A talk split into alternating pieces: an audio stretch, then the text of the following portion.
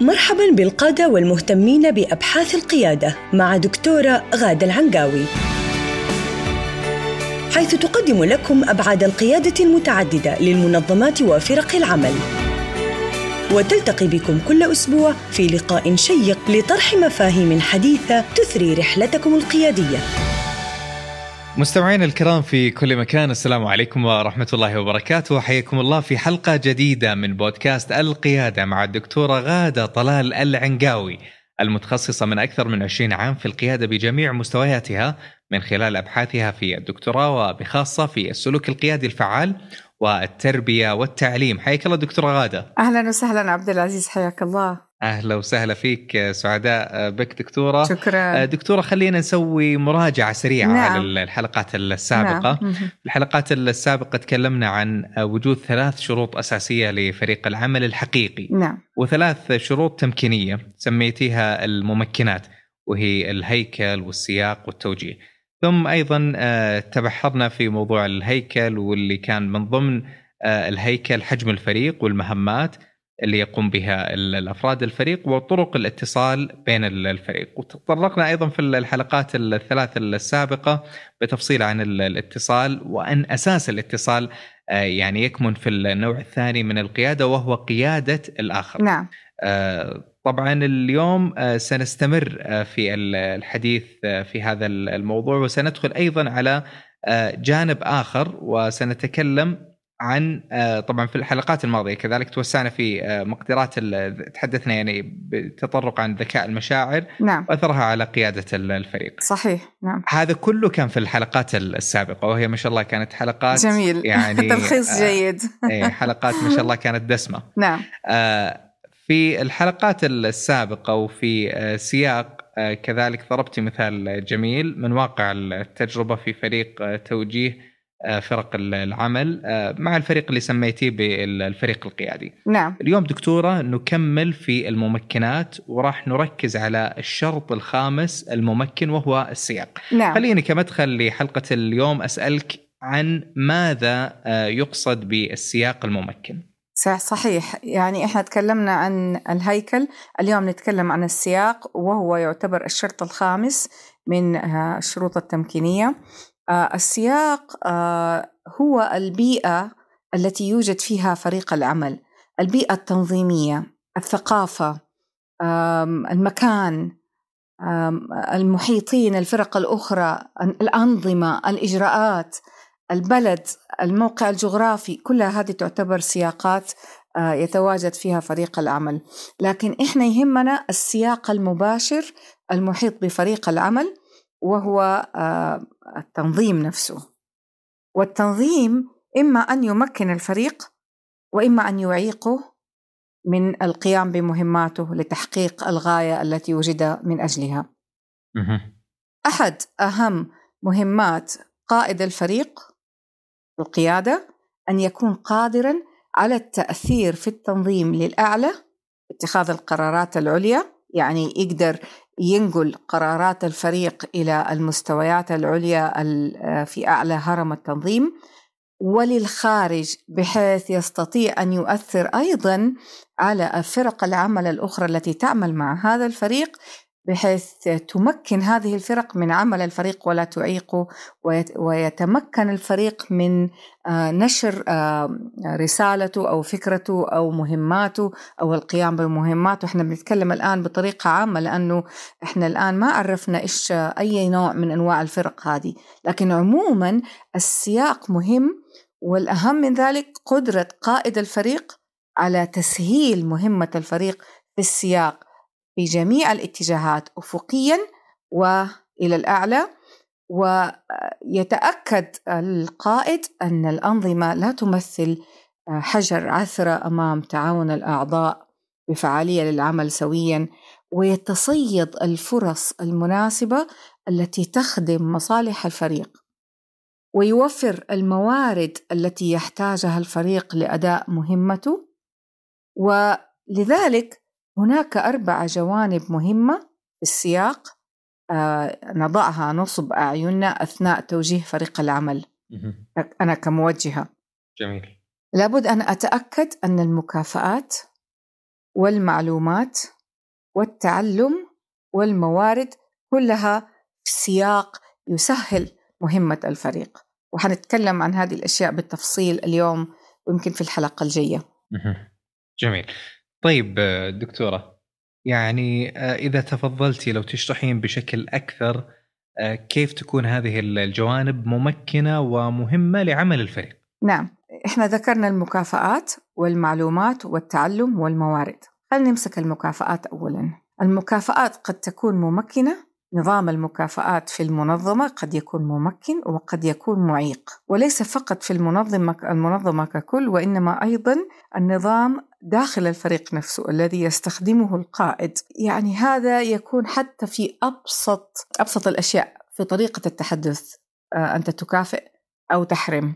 وحنتوسع فيها بشكل أكبر بس أنا بغطيهم كلهم الأربعة الآن عشان المستمع يفهمهم بشكل جيد. جميل. إذا المكافآت ماذا نفعل لنكافئ الفريق على الأداء المتميز؟ من المهم أن يوفر السياق. مكافآت ليس فقط للأداء الفردي المتميز ولكن لأداء الفريق كاملا. الفريق كله مع بعضه. المعلومات. رقم اثنين هل تتوفر لدى الفريق المعلومات المهمة التي تسمح له بالقيام بمهمته؟ وهل هذه المعلومات آه، متاحة مباشرة؟ بحيث يمكن استخدامها ولا هي مجرد معلومات مخزنة في الأجهزة ويحتاج أعضاء الفريق إنهم يشتغلوا عليها عشان يخرجوها من من هيئتها الأساسية إلى طريقة يمكن أن تنفعهم وتفيدهم. وحتى لا يكون هذا الكلام مبهم وأنا أعرف إنه في ناس عارفين الكلام ده وفاهمينه آه أنت لما تجمع معلومات آه عن طريق استبيان مثلا أو عن طريق مثلا مقابلة شخصية آه أو عن طريق مكالمات العملاء. المعلومات هذه تعتبر معلومات آه آه طرية يعني ما انطبخت. يسموها raw raw يعني لسه ما نضجت.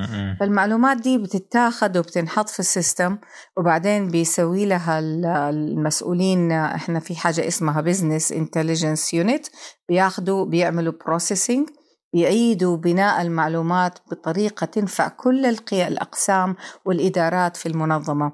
فمثلا قسم المبيعات يحتاج يعرف معلومات مختلفة عن قسم المالية وقسم اتخاذ القرارات الأعلى التنفيذي ما يبغى يعرف التفاصيل الدقيقة لكن يبغى يعرف الإجمالي. فكل جهة تحتاج نفس المعلومات هذه تقدم لها بطريقة مختلفة. فعملية إعادة صياغة المعلومات وإجراء وطبخها إحنا نطبخها الآن عشان تطلع مقدمة في طبق لذيذ يفهموا اللي بده ياكله ما يعرف شو هو. ما تكون يعني صعبة الفهم. فأنت لما يكون عندك فريق عمل متخصص في جهة معينة وعنده مهمة معينة ما تبغى تضيع وقته وتديله المعلومات طرية كده لسه ما انطبخت. جميل. يجلس يشتغل عليها ويضيع وقته. الكفاءة راحت ما صار في كفاءة. طيب إحنا نبغى كفاءة وفعالية طيب دكتورة نعم. خليني اتدخل نعم. معك في الجزئية هذه أحيانا بيتساءل البعض أليس من يعني واجب فريق العمل إنه آه، هو اللي يتعامل مع هذه المعلومات ويرتبها ويستخرج الأفضل منها؟ لا إلا إذا كان هذا الفريق هو المعني بهذه بهذه ال business intelligence unit هو فريق ال processing حق هذه المعلومات فهمت علي؟ لكن انه يكون فريق جميل. يعني يعني لابد يكون في مجموعة عمل في المنظمة مسؤولة عن جمع البيانات وإعادة تقديمها للأقسام الأخرى اللي تكون جاهزة لهم ولا حيضيع وقت التنظيم. وبعدين اللي حيصير كل واحد حياخد المعلومات ويسوي لها بروسيسنج بشكل مختلف وحيصير في تضارب بطريقة تقديم المعلومات لما تطلع المعلومات فوق عند المدراء وعند القياديين عشان ياخذوا قرار حيلاقوا المعلومات ما هي متوافقة ما هي متوائمة. آه، زي كأنك بتستخدم برامج مختلفة عشان تقدم آه، نفس المعلومة. فالبرنامج حيعيد ترتيبها بطريقة مختلفة لك. فهذه جدا مهمة توفر المعلومات أولا وثانيا أنها تكون متاحة مباشرة للاستخدام. الثالث وحنوقف مرة تانية عند المعلومات بعدين لما نفصل أكثر الثالث آه، في السياق التعلم. التعلم آه، أنت تحتاج تدريب تحتاج تطوير تحتاج تاخذ استشارة. فلا بد أن يكون متاح لفريق العمل. أي تدريب يحتاجوه إضافي تتعلق بمهمتهم الخاصة أو استشارات متخصصة مع مستشارين ليتمكنوا من بناء مقدراتهم عشان يقدروا يواجهوا التحديات الخاصة بمهمتهم. وهل يوجد ما يحتاجون من تدريب واستشارة؟ هذا مهمة القائد أن يقوم بتوفيره مع المنظمة. الرابع والأخير الموارد. هل تتوفر الموارد المادية بشكل مباشر مما يسمح للفريق باستخدامها وقت احتياجه لها؟ هذا مهم أيضا في المعادلة جميل طيب دكتورة خلينا شوي أوقف مع أول عنصر وهو جانب المكافآت يعني اللي يصير عادة في نعم. بيئات العمل أنه الفريق فيه الفرد المميز اللي يؤدي ببراعة فيستحق في آخر السنة مكافآت آه، بشكل أعلى من من غيره آه، بينما هناك الآخر نعم. اللي ربما كان يعتمد على زملاء الآخرين في الفريق وما أدى الدور بالشكل المطلوب يعني قضية التحدي في نعم. المكافآت كيف ممكن انه نوازن بينها ما نعم. بين الأفراد اللي تميزوا ويستحقون مكافأة ولكن أحيانا بعض الإدارات تتحفظ أنه والله تعطي العضو أو الفرد المميز حتى لا يستشعر الآخرين بأنهم لم يقدموا أداء نعم. الموازنة في هذا الموضوع وين تكون؟ يعني المعادلة جدا صعبة لأنه تحتاج إلى إحساس آه، ذاتي من القيادات آه، ب آه، يعني يكون في نوع من الوعي الداخلي هل أنا الآن عادل أم غير عادل؟ العدالة في في تقديم وتمييز الأفراد عن بعضهم وأيضا في تقديم المكافآت بحيث ما ننسى أحد على حساب أحد. يعني خلينا نضرب مثال من حياتنا العادية علشان يتضح أكثر للباقين. وكلنا آه، كنا أبناء ولعلنا بعضنا آباء. آه، تخيل أن عندك خمسة من الأبناء في أعمار متفاوتة ومهارات مختلفة وأنك أنت وأبنائك ووالدتهم قررتوا القيام برحلة في البر لمدة ثلاثة أيام للتخييم. طيب الكثير من الناس يقومون بهذه الأشياء. وقمت أنت رب الأسرة القائد آه، بتوزيع المهام بينهم وأسندت لكل اثنين أو ثلاثة عدد من المهمات حسب أنت معرفتك بمقدرتهم على إنجازها وحسب أعمارهم وحسب المهارات اللي عندهم. ولكن كان آه، توزيعك مبني على موضوع التعاون. يعني في أحيانا تحتاجوا كلكم تتعاونوا وأحيانا يحتاج اثنين يتعاونوا. ومنذ اللحظة الأولى آه، في الرحلة وأنتم في السيارة في الطريق آه، انتبهت إلى أنه الجميع قام بمهمة تعبئة السيارة وبدأت تهنئ ابنك الأكبر على ترتيبه لشنطة السيارة يعني للترانك ورا و لأنه هو الأكبر وعنده عضلات وقوي فقام هو بالمهمة هذه بشكل فعال وفرح الإبن بذلك. ولكنك نسيت أن المهمة كانت بين اثنين منهما وأن الأصغر منه الذي لا يملك القوة التي لا يملكها الأكبر طيب آه، ما قصر؟ يعني هو دف الأمتعة وجاب الأشياء الصغيرة وحطها وناولها للأخ الكبير ووقف وكان مهتم. فأنت في البروسيس حق المكافأة الشفهية نسيت عن الصغير.